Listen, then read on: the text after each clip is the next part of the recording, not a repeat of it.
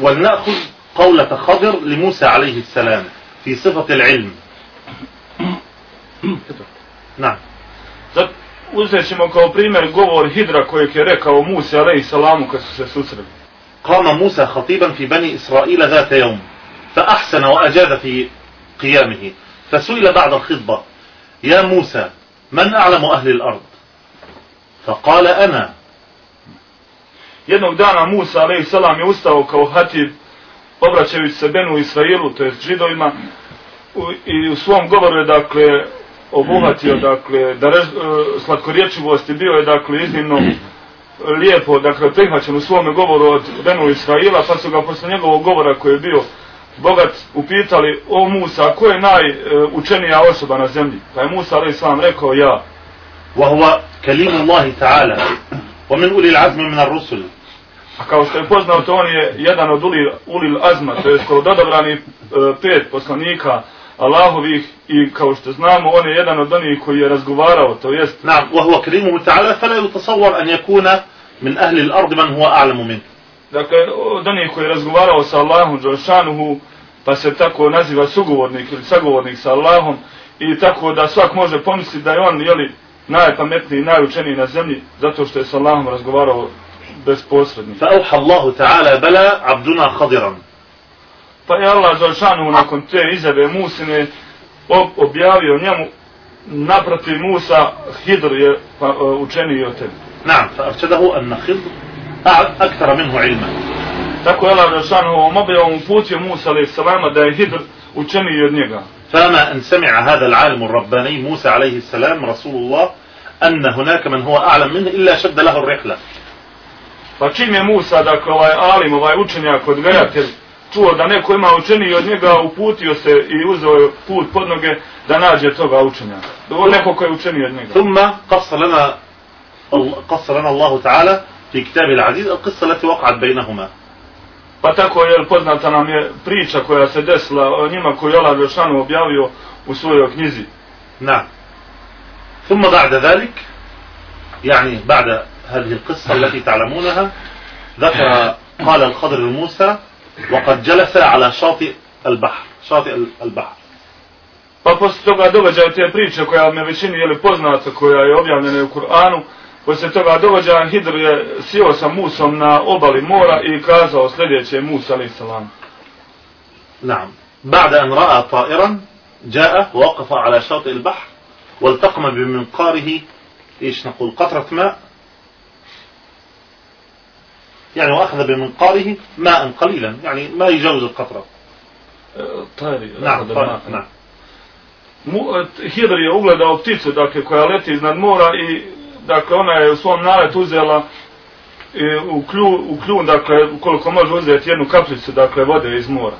فقال يا موسى ما علمي وعلمك إلى جانب علم الله إلا كما أخذت الطائر من البحر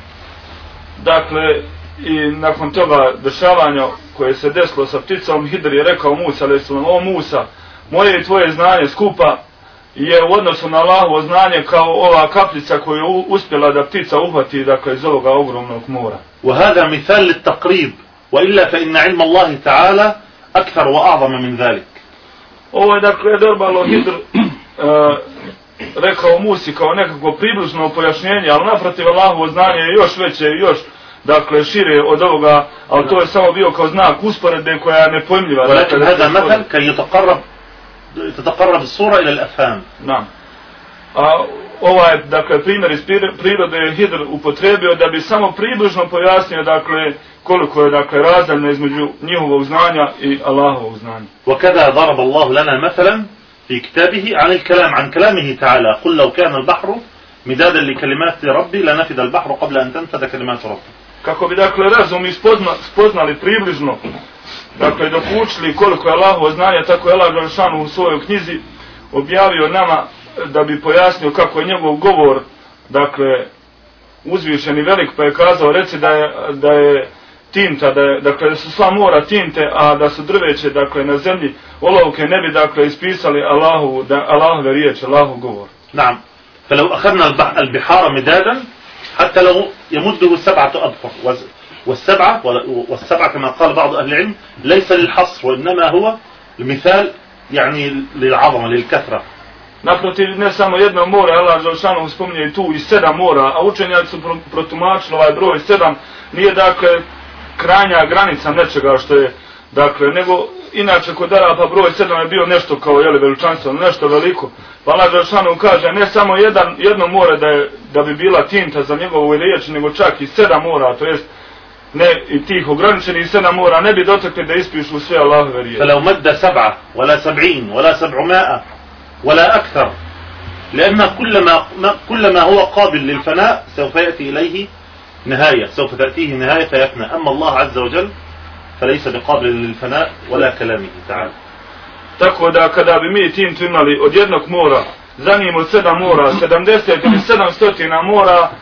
a znamo da su svi od prirode svoje da će nestati i proći, oni ne bi mogli da, da doteknu za Allahove dakle, riječi, znajući da je Allah Žešan onaj koji ne, pr- ne prolazi i ne prestaje, on je vječan, a sve ono što ima prirodu prolaznosti i ništavila, ono dakle ne može nikako da bude usporedba sa onim što je kod Allaha Žešanu. هذه أمثلة ضربت في علمه تعالى وفي كلامه تعالى فقط كما ذكرنا لتقريب الأفهام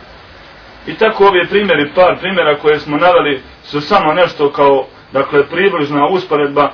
bilo da se radi o Allahove milosti ili Allahovom znanju, da bi, dakle, razum i mozgovi mogli baka, makar približno da dokuče nešto od toga.